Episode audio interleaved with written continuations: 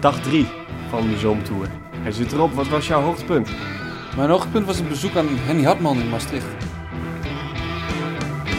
Eén week lang rijden twee redacteuren op een trekker door Nederland, België en Duitsland. Onderweg verzamelen zij bijzondere verhalen. Dit is de Landbouwmechanisatie Zomertour. Zitten we dan in de kantine bij loonbedrijf Houten in IJsten. Helemaal in het zuiden van Limburg, echt tegen België aan. Op de achtergrond hoor je de regen en de onweer, want eh, het is weer zover. Maar eh, gelukkig hebben we vandaag overdag fantastisch weer gehad. Ehm, even een korte samenvatting. Wat hebben we vandaag allemaal gedaan? We zijn begonnen op eh, het eh, bedrijf van eh, familie Breukers in El, waar we gisteravond zijn geëindigd. Daar hebben we een slaapplek gehad onder eh, een overkapping, wat wel goed was, want we hadden gisteravond ongeveer hetzelfde weer als, eh, vanavond.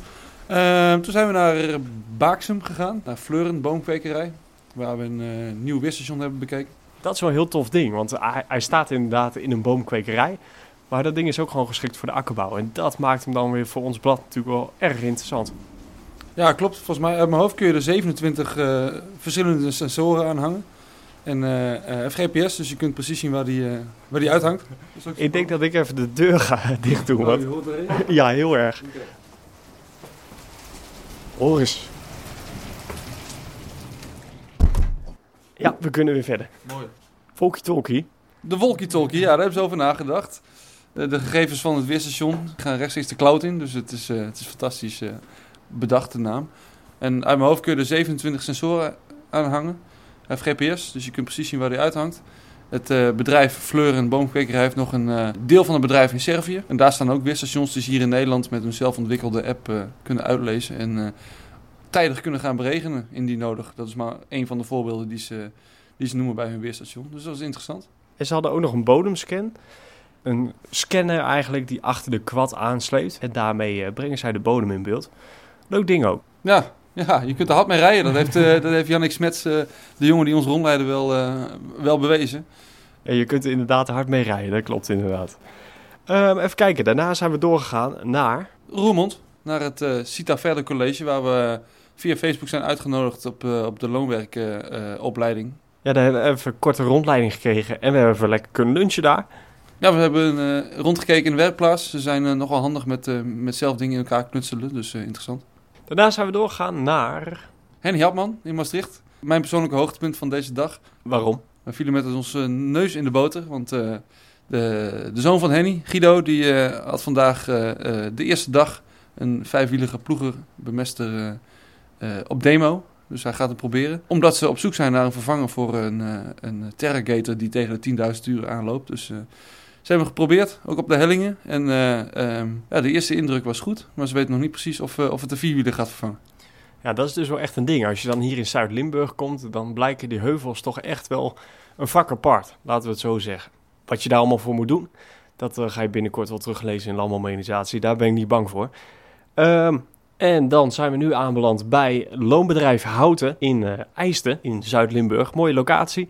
Een hoop jondeermachines, dat is pure toeval, moet ik er eerlijk bij zeggen.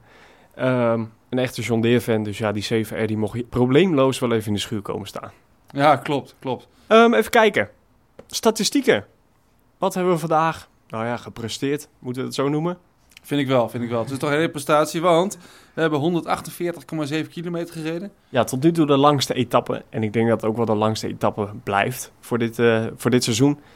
Daarbij hebben we 113 liter GTL verbruikt en eh, dat komt neer op eh, 19,2 liter per uur. Dat is nog een liter minder dan, eh, dan gisteren. Valt me niet tegen. Hey, van de week was er trouwens een vraag binnengekomen ehm, over GTL. We hebben het er wel steeds over, maar wat is het eigenlijk? Jij kan het ons kort even uitleggen. Ja, heel in het kort. eh, het kan gewoon in, eh, in- alle dieselmotoren. Is, eh, je hoeft er niks voor, voor aan te passen in de infrastructuur of qua motor of, of techniek onder de kap. Ondanks het feit dat we niet, niet echt vergelijkingsmateriaal hebben, wordt er geclaimd dat GTL in ieder geval schoner is. Je iets, iets meer vermogen hebt. En een dingetje is nog wel de logistiek. Dat is lastig, want je kunt het niet bij, bij gewone tankstations krijgen. Ehm, dus eh, mocht onze tank leeg raken, wat eh, vermoedelijk vrijdag gaat gebeuren, dan gaan we kijken waar we GTL kunnen krijgen. En anders moeten we toch overstappen op de, op de normale diesel. Ja, voor de mensen thuis, voor ons, om die tank van ons te vullen, is er speciaal een vrachtwagen van Shell langsgekomen om hem eh, af te tanken.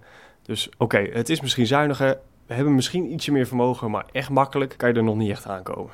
Dat is eigenlijk de conclusie. Nog niet, wellicht in de toekomst. We zullen zien. Wat staat voor morgen op de planning?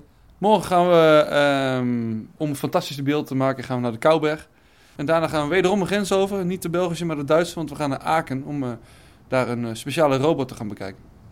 Ja, morgen gaan we de berg in. Dat hebben tenminste zo noemt familie Hout het hier. Ik ben heel benieuwd. De familie Hout woont zelf in het dal en wij zoeken het morgen hoger op. Nou ja, met dit weer is dat wel verstandig, denk ik. Op zoek naar droge voeten.